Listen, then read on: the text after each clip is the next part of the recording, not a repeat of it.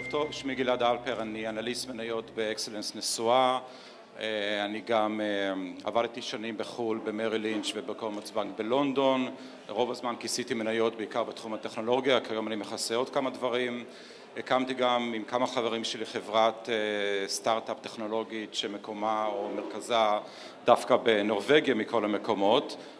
וזה בקצרה כרקע. קודם כל אני רוצה לתקן כי נדמה לי שבתוכניה כתוב שאני הולך לדבר על קפיטליזם והשקעות פיננסיות. אז אני לא הולך לדבר על קפיטליזם והשקעות פיננסיות כי הנושא הזה הוחלט שהוא קצת רגיש מדי מכל מיני סיבות שלא כאן המקום לפרטן. ולכן נדבר רק על קפיטליזם. וכשאני מדבר על קפיטליזם מה שאני רוצה לעשות זה לדבר על הנקודות האלה, זה עבר? כן אני לא הולך להקריא לכם את כל הנקודות האלה, אתם יכולים לקרוא אותם בעצמם, אבל בגדול מה זה, איך מודדים, למה זה טוב וכל מיני נושאים מעניינים שמעניינים את כולם כמו שכר מינימום בזווית קפיטליסטית.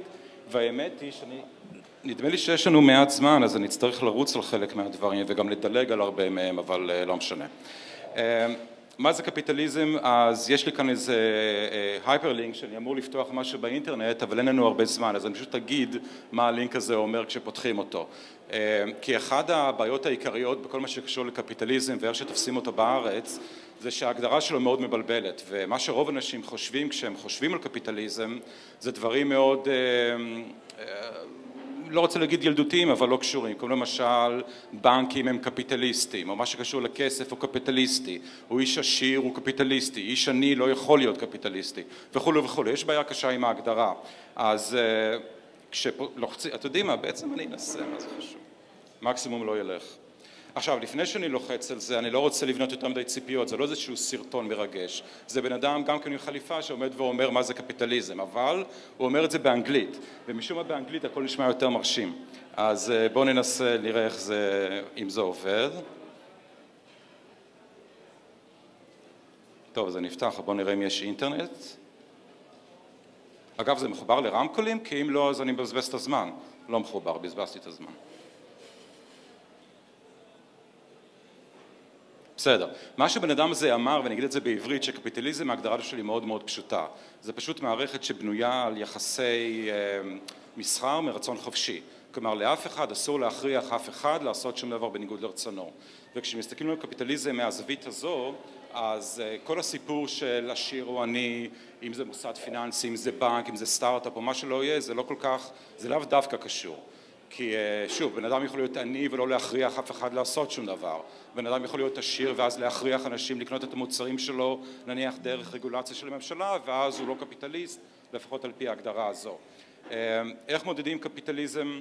אז לשמחתנו יש גופים בעולם שעושים את זה ואני אראה את המדידה של גוף שנקרא מכון פרייזר שזה מכון מחקר קנדי. יש עוד מכון ידוע בשם Heritage Foundation שעושה דבר דומה ומראה תוצאות דומות. אז הצורה שפרייזר מודד קפיטליזם וזה מאוד דומה למה ש Heritage עושים הם מסתכלים פחות או יותר על או לא פחות או יותר בדיוק על חמש הקטגוריות האלה. הממשלה צריכה להיות קטנה הרגולציה צריכה להיות מועטה, כלומר אנשים אמורים לקנות ולמכור בתוך המדינה או לייצר או לבנות פחות או יותר איך שבא להם. כמובן שצריך לשמור על חוקי הקניין. האינפלציה צריכה להיות נמוכה זה אומר שהמטבע צריך להיות יציב. כלומר אם למישהו יש חיסכון של עשרת אלפים שקל והוא שומר אותו מהפנסיה כשהוא יוצא לפנסיה זה עדיין עשרת אלפים שקל. או זה יכול לקנות את אותם הדברים שעשרת אלפים שקל האלה יכול לקנות כשהוא התחיל לחסוך מסחר חופשי, יבוא ייצוא, אני הולך לדבר על כל הדברים האלה, אני עובר עליהם מאוד מאוד מהר. אלה הרשימה של המדינות הכי קפיטליסטיות בעולם על פי מכון פרייזר. ושוב זה מאוד דומה להריטג' והדבר הראשון כמובן שרואים כאן זה שישראל לא פה. ו... וחוץ מזה יש פה כל מיני שמות שהם קצת מוזרים, אני יודע נדמה לי שבמקום תשע יש את ירדן, רואים את זה? כן, רואים פה יותר טוב מאשר פה אז ירדן זה אולי קצת מוזר אבל אולי זה לא צריך להיות מוזר כי אני לא מכיר את הכלכלה שלהם ויש פה באופן כללי מה שמעניין ברשימה הזו של המדינות הכי קפיטליסטיות בעולם זה שכל המדינות שאתם מדמיינים אותן כמדינות מוצלחות ומדינות שאוהבים לטייל אליהן והכל שם מסודר וכולי וכולי הן קפיטליסטיות שזה מן הסתם לא, לא מקרי. עכשיו אני אעבור, לפני שאני מדבר על ישראל, אני רוצה לעבור למדינות הכי פחות קפיטליסטיות בעולם. בכלל הרשימה הזו מחולקת לארבע חלקים, המדינות הכי קפיטליסטיות, פחות, פחות והכי פחות. אז עכשיו נעבור להכי פחות. אלה המדינות הכי, הכי תפוקות בעולם. ו, ושוב, אין שום דבר באמת מפתיע ברשימה הזו. כמו שהרשימה של המדינות הקפיט, הקפיטליסטיות לא... לא... סליחה? גם פה אין ישראל, לא, אנחנו לא כאלה גרועים. לא כאלה גרועים. רגע, רגע, תכף נגיע לישראל. אז uh, הדבר היחידי שאותי קצת הפתיע ברשימה הזו, שסין שם. סין במקום 115, הייתי בטוח שהיא יותר חופשית, אבל כנראה שלא. מי שסוגר את הרשימה זה מדינות שבאמת לא אמורות להפתיע אף אחד. אה, ונצואלה, קונגו, זימבבואה, זה לא מפתיע. אה, בואו נעבור, פה לקחתי רשימה, אוקיי, אגב, ישראל סוף סוף מקום 55. מה שמעניין ברשימה הזו חבל שיש לי מעט זמן כי רק על, רק על השקופית הזו אפשר לדבר שעתיים אבל מה שמעניין ברשימה הזו זה אמ, א' ששתי המדינות הכי קפיטליסטיות בעולם הן לא דמוקרטיות אבל בואו לא נדבר על זה כרגע כי זה נושא מאוד רגיש. אמ, המדינה הרביעית הכי קפיטליסטית בעולם זה שווייץ, היא אומנם דמוקרטיה, אבל לא דמוקרטיה כמו שאנחנו מכירים אותה, זו הרי דמוקרטיה ישירה בחלקה, עם חלוקה, זה בעצם פדרליה, אמ, אה, פדרציה, עם חלוקה על קנטונים, יש לנו דברים מעניינים. אז מעניין ששלוש מתוך ארבע המדינות הכי קפיטליסטיות בעולם הן לא מדינות דמוקרטיות רגילות. שוב, זה נושא שאפשר לדבר עליו אה, ימים, אבל אה, לא עכשיו. עוד דבר מעניין כאן שארצות הברית היא מקום 12, זה קצת מעניין כי ארצות הברית עד לפני כמה שנים עד לפני נניח כמה עשורים הייתה בהפרש המדינה הכי קפיטליסטית בעולם, היא הייתה הכי קפיטליסטית בעולם מאז רוב המאה ה-19 ורוב המאה ה-20 וזה מעניין לראות איך הם הידרדרו. ועוד דבר מעניין ברשימה הזו זה ששוודיה אה, הבסטיון הסוציאליסטי כביכול, ארץ החלכאים והנדכאים היא הרבה יותר קפיטליסטית מישראל. והייתי צריך לשים כאן, אני לא יודע למה לא שמתי, אבל גם דנמרק וגם פינלנד הרבה יותר קפיטליסטיות מישראל. אה, דנמרק היא מקום 19 ברשימה הזו, פינלנד היא מקום 10 ברשימה הזו אפילו נורבגיה יותר קפיטליסטית מישראל, אבל זה לא שווה לדבר על זה כל כך, כי נורבגיה זה לא דוגמה לשום דבר. אז אה, בגלל שזה בעצם מעין נסיכות נפט מערבית, אז היא פועלת על פי אה, חוקים משלה.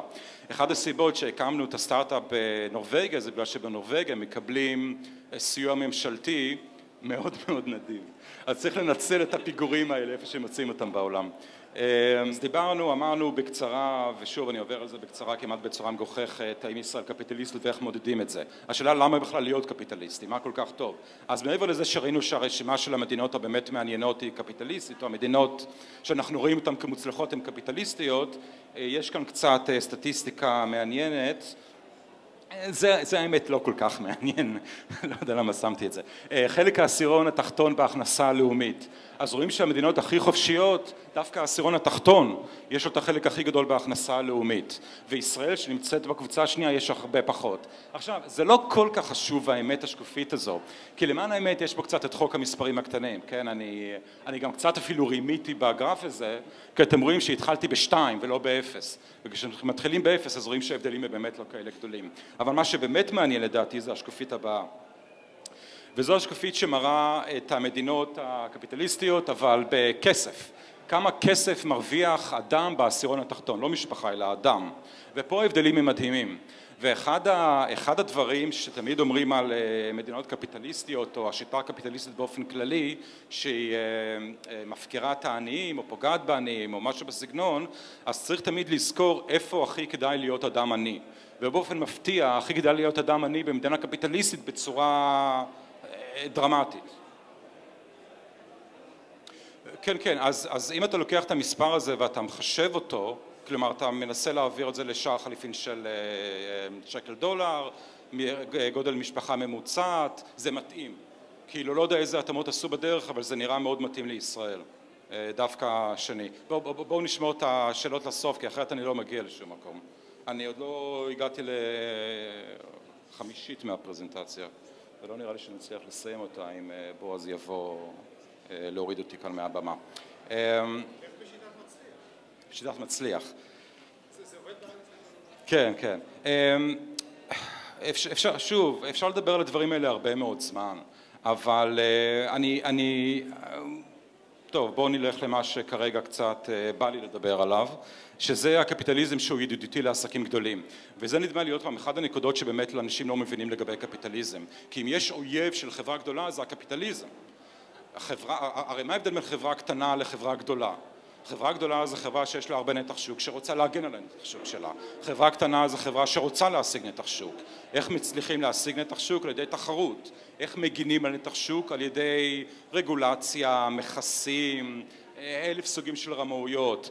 ודווקא מדינה קפיטליסטית שבה אין רגולציה או כמעט אין רגולציה והסחר הוא יחסית חופשי, דווקא זה משטר שמאוד מתאים למדינות, אה, לחברות אה, אה, קטנות. ודווקא חברות גדולות פוחדות מאוד מהדברים האלה. וזה מאוד הגיוני אבל משום אנשים כל הזמן נופלים לתוך, ה, לתוך הבור הזה. ואחד הדברים שאולי גורם להם ליפול לתוך הבור הזה זה דווקא הנקודה הרביעית שהיא מאוד פופולרית בארץ כל הזמן מדברים על זה איך טבע וצ'ק פוינט ומדינות אחרות גונבות את כספי הציבור. אז יש פה כמובן אה, כל מיני דברים לתקוף את זה אבל אחד הדבר, אחד ה... הדרך שאני מסתכל על זה לפחות זה שיש אה, איזה בלבול בכל מה שקשור ליחס בין אה, חברה לבין מדינה. כביכול המדינה מרגישה שהיא נותנת משהו לחברה. איך היא נותנת משהו לחברה? החברה, טבע נניח, מרוויחה כסף אה, בכוח ההשקעות שהם עשו, החדשנות, וואטאבר, עושים כסף, ואז המדינה באה ובמקום לקחת להם 30 אחוז מס, לוקחת 20 אחוז מס, ואז בראש של המדינה היא נתנה לחברה מתנה של 10 אחוז. מה שבמציאות המדינה עשתה, היא פשוט כנראה כביכול לקחה פחות 10 אחוז. רציתי להגיד גנבה, אבל uh, עצרתי בעצמי, למרות שזה מה שאני חושב, כן? סליחה? מה זה? כש, כשנגיע לסטייד האחרון שבו אני מדבר על הנרקו-קפיטליזם אז אני אדבר על זה קצת על אה, זה שכל מס זה שוד אבל בינתיים אני רוצה לשמור על המצגת ברמה יותר אה, אה, איך לקרוא לזה מתונה. הנקודה החמישית, אתם רואים שאני מדלג פה אבל אני חייב, הנקודה החמישית זה ארצות הברית. כבר אמרתי שארצות הברית כיום היא ב-12 בסולם המדינות הקפיטליסטיות בעולם שזה מדהים לעומת ישראל זה בוודאי די עלוב לעומת המעמד ההיסטורי של ארצות הברית. ואחד הדברים שקרו ב-2008 זה כישלון ענק של כל מה שהוא לא קפיטליזם. כלומר הבנק המרכזי שהחזיק את הריבית הנמוכה יותר מדי זמן על רמה מאוד נמוכה, למרות שיחסית להיום זה בעצם רמה גבוהה, אבל זה אומר לנו איך ארה"ב נראית היום. החקיקה שהביאו בקונגרס, כל מיני דברים ש... אמ, שהתערבו בשוק החופשי. וכשמסתכלים על מה שקרה ב-2008 זה ממש פרופר תוצאה של דברים שלעולם לא היו קורים בשוק חופשי. ההלוואות אי אפשר היה לממן אותם אם הריבית לא הייתה כל כך נמוכה, לבנקים לא היה את האינסנטיב או את ההכרח החוקי לתת הלוואות לאנשים שלא יכולים להחזיר וכולי וכולי. אבל אה, האמת שיש אה, חומרים, מלא חומרים על הדברים האלה ואני ממש נוגע בקצה המזלג ואפשר עוד פעם על כל נקודה כאן לדבר שעות. אבל באופן עקרוני אני חושב שארה"ב ב-2008 אם כבר זו דוגמה מדהימה לאסונות שיכולים לקרות ברגע שמתערבים בקפיטליזם. אמ,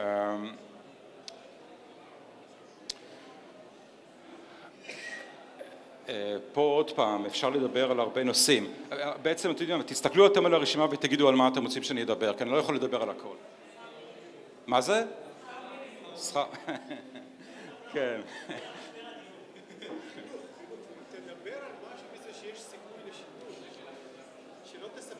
סיכוי לשינוי, תראה השכר מינימום רק הולך ונהיה גבוה, בנק ישראל רק הולך ומוריד את הריבית, אז אני לא יודע מה הולך להשתנות לטובה.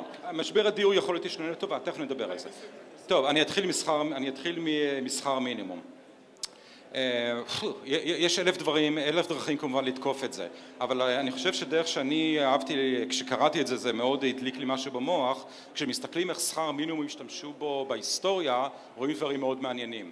למשל, אה, דוגמה יפה, בשנות ה-60 בניו יורק היה נהוג אז במעליות שיהיה בן אדם בתוך המעלית, עובד מעלית, שכאילו לוחץ על הכפתורים בשביל האנשים שנכנסים, והוא היה לבוש במיני כאלה מדים, וגם עושה צ'יט צ'אט עם אלה שהיו נכנסים למעלית, וזה היה חלק מהתרבות, וכל מי שראה סרטים ישנים מכיר את הקטע הזה, של הבן אדם שיושב במעלית, היו את זה גם בבתי מלון, בבתי מגורים יפים, ואז באה חברת אוטיס, שזו חברת מעליות. אה, כיום זה נדמה לי החברת מעליות הכי גדולה בעולם, אולי גם אז היא הייתה חברת מעליות הכי גדולה בעולם, והיא רצתה להתקין מעליות בניו יורק, מעליות אוטומטיות בסגנון של היום. מה הבעיה? שהמעליות היו יקרות. אמ, בהשוואה למעליות הקיימות עם הבן אדם שמזיז את הכפתורים. אז לכן אוטיס הלכו לעיריית ניו יורק או למדינת ניו יורק, אני לא זוכר, והכניסו רגולציה, מה הייתה הרגולציה הזו? שכר מינימום. הם העלו, הם אה, העלו את השכר המינימום לרמה כזו שבשביל הבתי מלון והבתי מגורים לשלם לבן אדם שמפעיל את המעלית נהיה פחות כדאי לעומת להכניס את המעליות של אוטיס ומה שקרה שאוטיס באמת הצליחה להתקין אה, מעליות בניו יורק ואולי זה מה שהפך אותם לאחת החברות המוצלחות בעולם בתחום הזה. דוגמה, דוגמאות אחרות ידועות זה כמובן בשנות ה-30 בארצות הברית כש...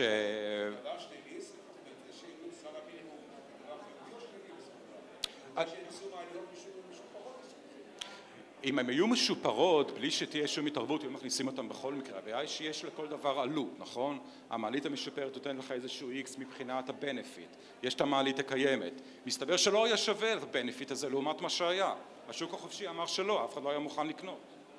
אמ, הדוגמה האחרת אה, קצת יותר עתיקה מזה זה כמובן שנות השלושים בארצות הברית כשעל רקע המשבר הכלכלי החריף שם היה מעבר של אה, אוכלוסיות בתוך ארצות הברית ועובדים שחורים התחילו לנסות אה, אה, להתחרות במקומות שהיו עד אז באמת בשליטה של עבודה לבנה, כנראה בעיקר בצפון ומה שנעשה אז בארצות הברית, אז התחיל להיות החוק שכר מינימום וזה מדהים, יש, יש כאילו סטנוגרמות של דיונים שהיו בקונגרס האמריקאי בוועדות שממש מדברים בואו נעלה את שכר המינימום או ננהיג מס אה, שכר מינימום כדי לעצור את התחרות מהעבודה השחורה.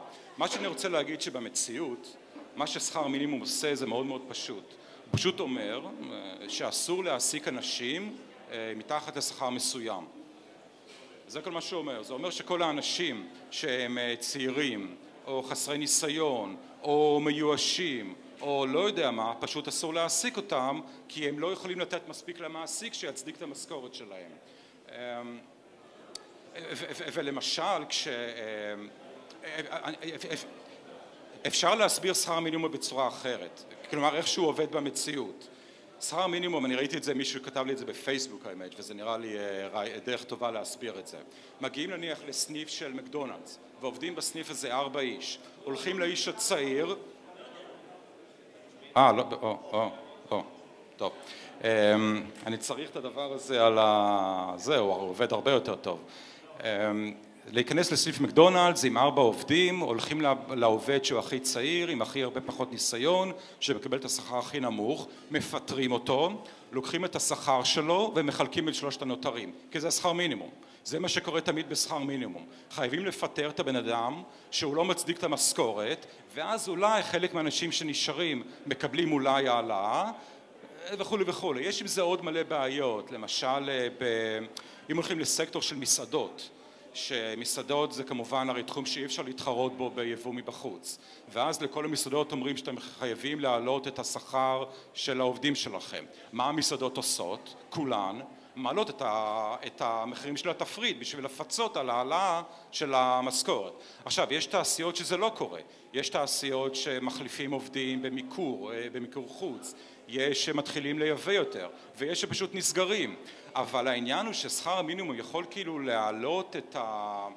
אה, אני, אני אגיד עוד משפט ואז אני אעבור הלאה כי אני מדבר על זה יותר מדי זמן. כשדיברו על שכר מינימום בארץ לפני בערך חצי שנה או שנה היה את הציטוט המפורסם הזה של חברת כנסת נדמה לי סנברג, זנברג? זה, זה שמה? כן, שהיא אמרה אה, שכשמעלים את שכר המינימום זה רק תורם לכלכלה כי זה מכניס יותר כסף לכיסים של העובדים וכולי וכולי. אז אם זה נכון השאלה היא למה היא כל כך קמצנית, למה מעלים רק לשלושים או לא לשלוש מאות או לשלושת אלפים? כלומר יכול להיות שכל מה שמבדיל בין העובד לבין המרצדס זה כמה אפסים שמים בשכר מינימום בחוק של הממשלה? זה הרי לא יכול להיות, זה לא הגיוני. אי אפשר לחוקק שגשוג הדרך היחידה להשיג שגשוג זה, תכף נגיע לזה למען האמת, זה בדרכים של העלאת הפריון של העובד כדי שיהיה שווה לשלם לו יותר כסף ובמקביל לתרום או להביא לירידת יוקר המחיה על ידי יבוא זול ועל ידי הורדה ברגולציה וכולי וכולי אבל בחוק אי אפשר לגרום לשגשוג.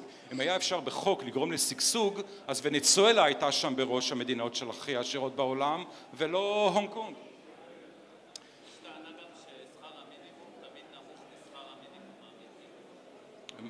מה זאת אומרת? כלומר, גם ככה אנשים מרוויחים היום 5,000 שקל. אה, בסדר, בסדר, זה הרבה פעמים, רואים זה לפעמים, ב, יש חברות שבהם העובדים מרוויחים אה, כסף יפה ואז אה, בעל החברה אומר ב, בעיתונים, אני הולך להעלות את השכר מינימום לכל העובדים שלי לאיזשהו איקס, כשאין שום עובד בחברה שלו משלם, אה, שמקבל איקס ומטה, בסדר, זה ברור. המשחקים האלה קורים כל הזמן.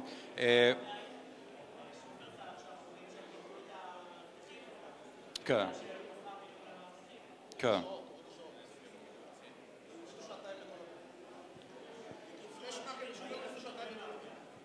אה, על מה אתם רוצים שאני אדבר הלאה מהרשימה הזו?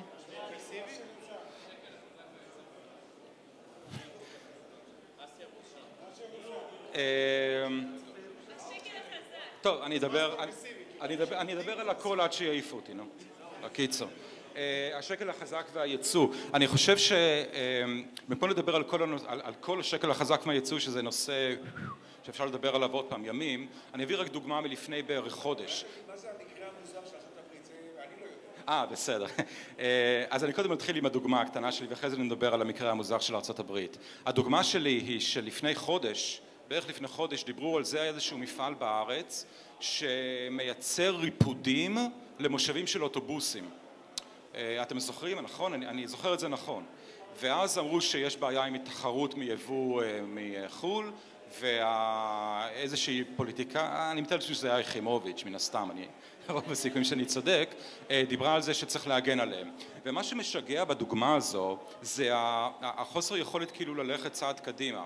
כלומר, אם באמת אנחנו מפסידים מקומות עבודה מזה שאנחנו מייבאים את הריפוד של המושב של האוטובוס, כמה מקומות עבודה אנחנו מפסידים על זה שלא מייצרים כאן את המושב של האוטובוס והאוטובוס. כלומר צריך ללכת הלאה. כמה מקומות עבודה אנחנו מפסידים בזה בישראל בזה שאין כאן מפעלים לייצור אוטובוסים מכוניות מחשבים ומכוניות. כלומר אם באמת זה הגיוני להגן על המשרות של אלה שמייצרים את הכריות האלה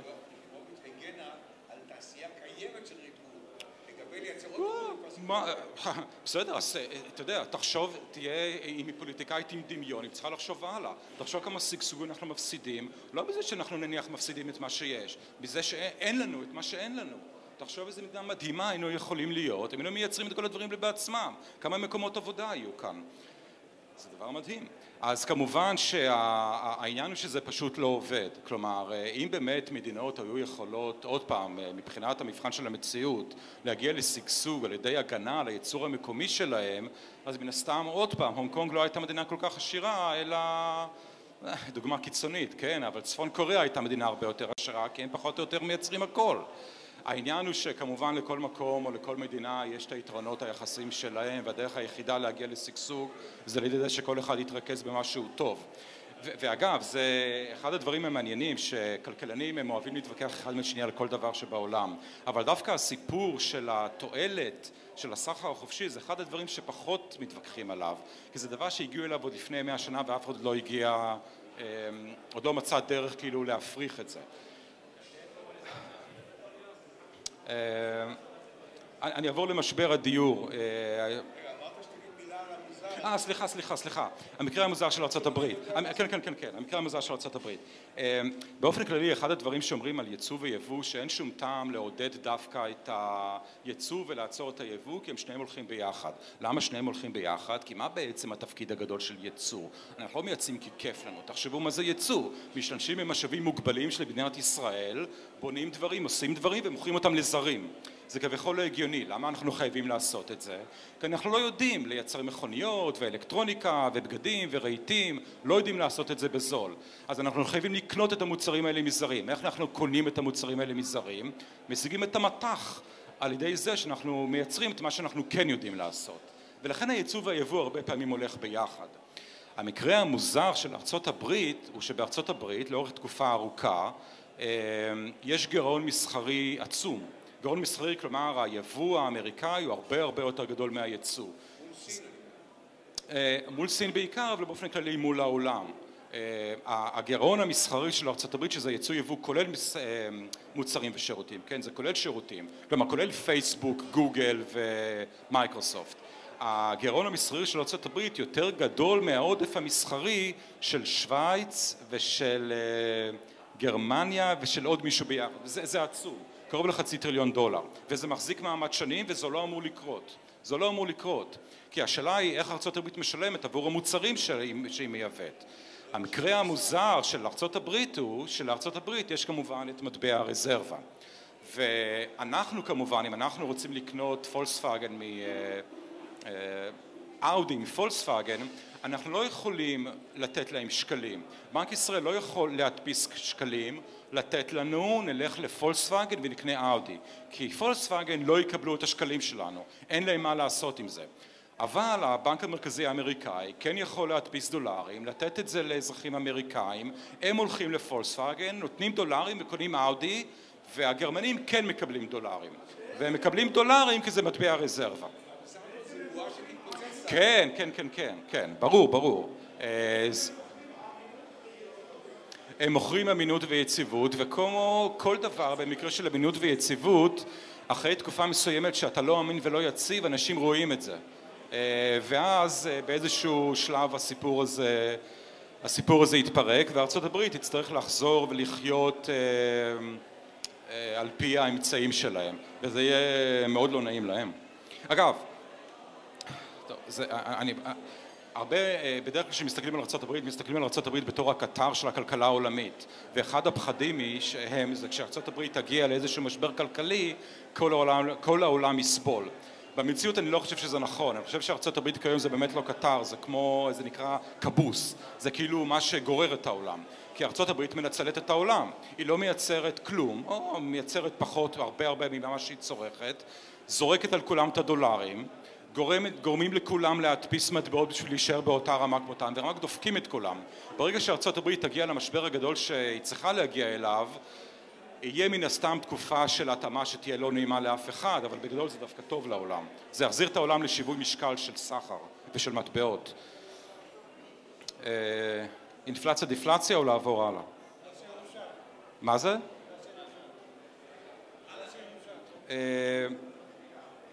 בעצם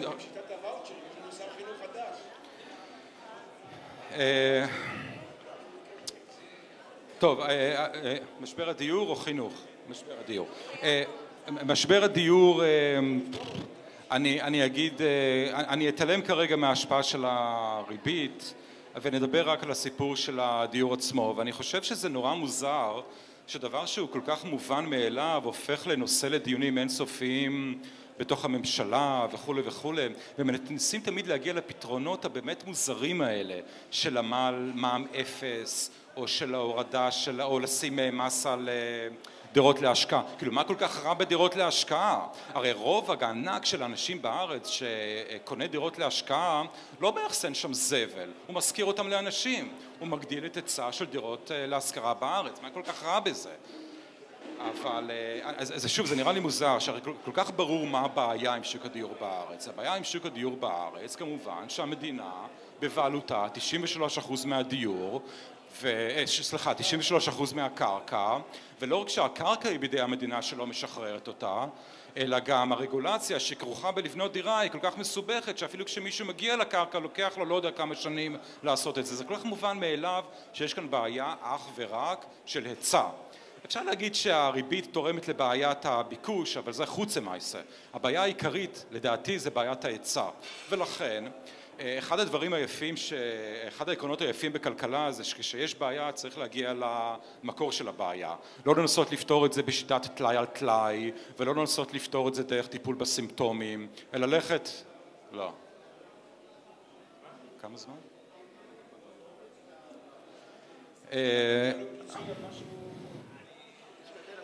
החוכמה בלפתור אה, משבר דיור זה ללכת למקור של הבעיה, והמקור של הבעיה זה שאין מספיק היצע. איך פותרים את הבעיה הזו? או, פה זה מסובך. לי יש פתרון ברור, כן, אבל הוא בחיים לא, בחיים לא יקבלו את זה. הפתרון שלי הוא אה, פתרון דו-ראשי. מצד אחד להכריח את המדינה מיד למכור את כל הקרקעות שלה על מרבה במחיר, לא בשיטת המכרזים, ו... או טוב, את המרבה במחיר אפשר לעשות בשיטת מכרזים, אבל לא במחיר למשתכן, מחיר למסכן, מחיר לזקן וכל הדברים האלה. למכור לכל המרבה למחיר, לאיזה קבלן שלא ירצה לקנות, שיבנה בשביל הרווח שלו. ואחד הדברים שמיד אומרים כשמישהו אומר דבר כזה זה אה, אה, אה, אבל מיד יבנו רק לעשירים כי שם הכסף. וזה לא נכון. הכסף הוא לא אצל העשירים הכסף הוא דווקא אצל העניים או אצל העשירונים היותר תחתונים ולא אצל המאיון העליון. למה? כי למאיון העליון יש הרבה יותר כסף אבל הוא מאיון ה-99 אחוז האחרים יש להם פחות כסף אבל הם הרבה יותר אנשים. מהי רשת הסופרמרקטים הכי גדולה בעולם? או ולמי וולמרט מוכרת? וזה לא מקרה, ככל שחברות דווקא מוכרות ליותר עניים אה, ברמה מסוימת, הן דווקא גדולות יותר ומצליחות יותר. מתי כל תחום המחשבים והטלפונים הסלולריים נהיה יותר, כל כך משגשג? ברגע שהורידו את המחיר בשביל למכור לכולם. אותו הדבר עם דירות, ברגע שמוכרים את כל הקרקעות האלה לכל הקבלנים בארץ, והקבלנים האלה רוצים להרוויח, מה שהם עושים, הם בונים ומוכרים. הם לא יושבים על זה והם לא מוכרים למתי מעט העשירים, הם מוכרים לכולם. עכשיו זה רק חצי מהבעיה. הבעיה האחרת היא כמובן, כמו שאמרתי, זה הרגולציה. אמ, וכאן הפתרון שלי הוא... אה, כן.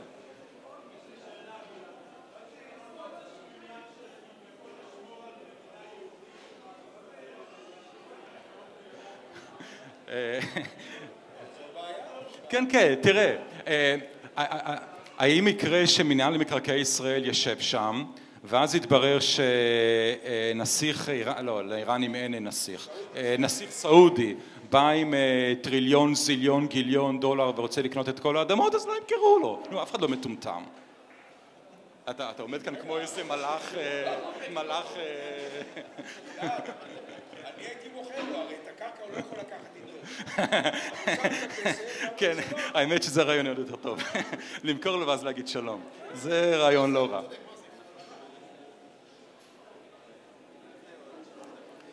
Um, אז הפתרון שלי זה על הרגולציה, הפתרון שאני הייתי עושה וזה פתרון מאוד קיצוני, זה פשוט הייתי מבטל את הכל והייתי מפזר את כל ועדות התכנון והייתי נותן לאנשים לבנות בעצמם וישר אומרים אה אה אבל יבנו דירות שעשויות מקלקר ולא יהיו צינורות מרזב אבל שוב זה, זה נורא מוזר כי אנחנו מדינה דמוקרטית. אחד הדברים המוזרים שרואים במדינה דמוקרטית שמצד אחד חושבים שאנשים הם מספיק חכמים לקרוא את המצעים של מפלגות ללכת לקלפי ולבחור בעד המפלגה הנכונה אבל הם כל כך מטומטמים שהם לא יודעים להשתמש במהנדס שיגיד להם שהבית שהם בונים לא הולך ליפול עליהם תוך שבועיים. אז צריך להחליט, או שאנשים הם מטומטמים, ואז אסור לתת להם להצביע, או שיש להם שכל, ואז נותנים להם להצביע, והם גם ישתמשו בעורך דין ובמהנדס כדי לדעת שהבית לא יתמוטט עליהם. אנשים לא כאלה מטומטמים.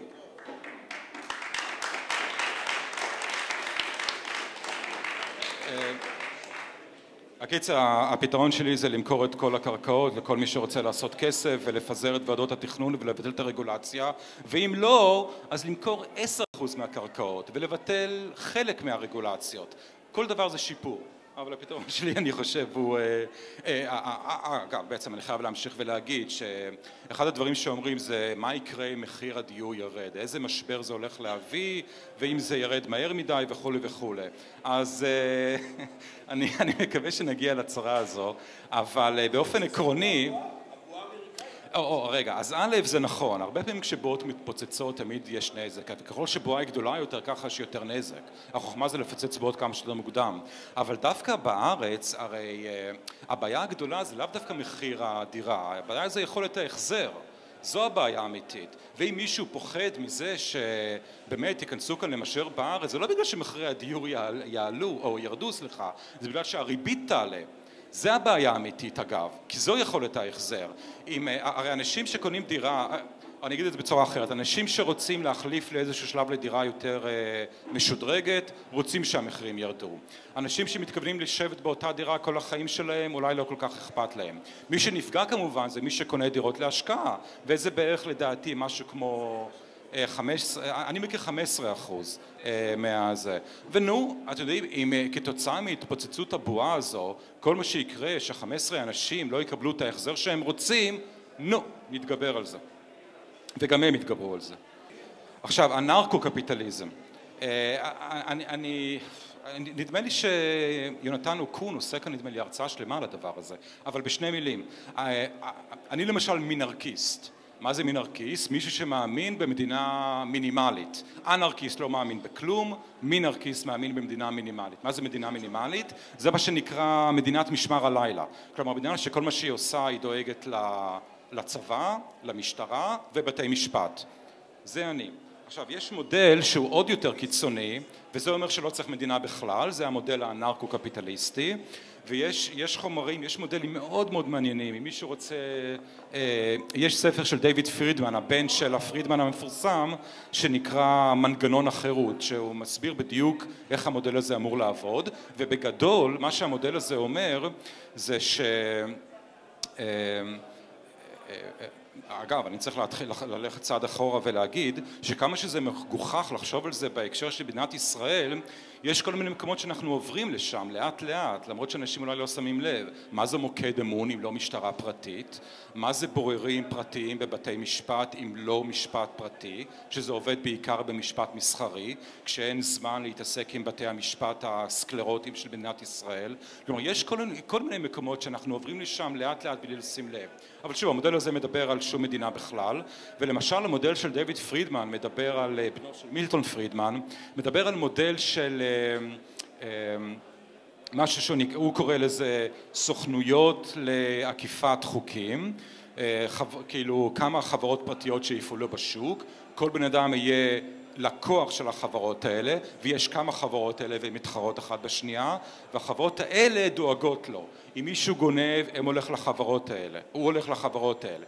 כן כן אני יודע אבל, אבל זה, זה לא או או או. אז יש שם הסבר שמסביר למה יש מודל המודל עוד פעם הוא מאוד מתוחכם אני מסביר אותו בצורה מטומטמת כמעט. המודל הוא מאוד מתוחכם והוא מראה איך, ה, איך ה, המניע של הרווח שומר על כל החברות האלה לעבוד בצורה הרבה יותר סולידית והרבה יותר אחראית ממה שאתה רוצה. אני קצת שותף לספקנות, כי בוא נגיד ככה, אם מישהו היה אומר לי, ממש עוד דקה ואני מסיים, אם מישהו היה אומר לי, מחר יש מדינה אנרקו-קפיטליסטית, האם מוז... האם אתה רוצה לעבור לשם? הייתי אומר לא, הייתי אומר תן לי שנתיים לראות מה קורה ואז נראה. אני רוצה שיתגלחו על הזקן שלי מישהו אחר, כי שוב, תראו, זה מודל שמעולם לא נוסע למיטב ידיעתי בשום מקום בקנה מידה רחב. אז קודם כל הייתי מסתכל, למרות ששוב זה מאוד מושך אותי, כי גם במדינה מנרכיסטית הבעיה שהצבא הוא אה, מונופול, המשטרה היא מונופול, בתי המשפט הם מונופול, והבעיה העיקרית בכל, בכל מה שקשור למדינה שיש מונופולים, וכל מונופול הוא מחורבן, הוא מחורבן כי אין לו תחרות, ואין לו שום סיבה לא להיות מחורבן, כי זה הדבר הכי פשוט לעשות, להיות גרוע, וזו הסיבה שהמודל הזה מאוד מושך אותי. עכשיו האם המודל הזה ישים לישראל? לדעתי לא. אה, כלומר אפילו אם אה, זה יתחיל לפעול בכל מיני מקומות בעולם ואפילו אם זה יהיה בסדר ויעבוד יפה אני לא רואה את זה עובד בישראל מהסיבה המאוד פשוטה שבין אם אתה ציוני גדול או לא ציוני גדול אי אפשר להתעלם מזה שצריכים כאן צבא מאוד מאוד גדול ומדינה אנרקו-קפיטליסטית לדעתי לא עובדת עם צבא מדינה אנרקו-קפיטליסטית יכולה לעבוד רק בסביבה שבה אתה נמצא ביחסי שלום ושכנות מושלמים עם השכנים שלך והשכנים שלך מסכימים שאתה תהיה נרקו-קפיטליסט. כלומר למשל אם מחר אה, אונטריו אני חשבתי ספציפית, אם אונטריו ירצו לעשות, סליחה? נדמה לי שיש להם הסכם עם ארצות הברית שארצות הברית מגנים עליהם. אמ, אבל, הם לא אנרקו-קפיטליסטים, נכון? אגב, דווקא פורטו ריקו יכול להיות, יש מצב שיתקדמו לשם קצת. הקיצר, לדעתי זה לא יעבוד בארץ ומאוד, חש... ומאוד חבל, כי לדעתי זה מעניין. אה, אז כמו שאמרתי, הנושא הזה, זה מושך וזה מעניין וזה נראה... זה נראה כמו משהו שיכול לעבוד יופי, אבל לדעתי לעולם לא בארץ. אז אם כך אני אעבור לדבר הקודם, שבכל זאת נדבר עליו, שקפיטליזם זה הרי שיטה כלכלית, כן, אה, אך ורק כלכלית.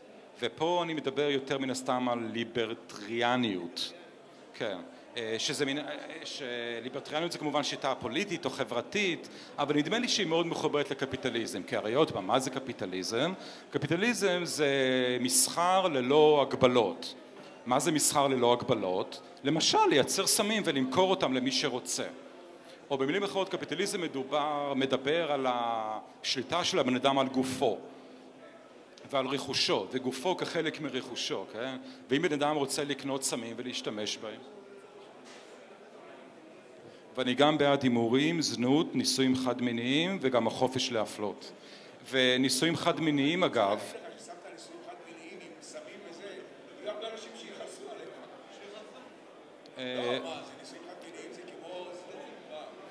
אה, לא, לא, לא, לא, לא, לא, לא, בלי שום קשר, לא, לא, אני מדבר פה על הרצון חופשי.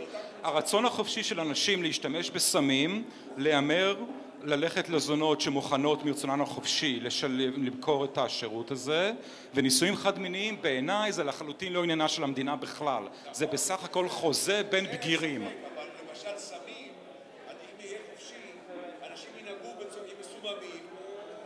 לא, לא, לא, לא, לא, לא. מה זאת אומרת, למה אנשים לא כיום נוהגים עם, אה, אתה יודע, עם אה, שני בקבוקי וודקה? אני גם לא בסדר.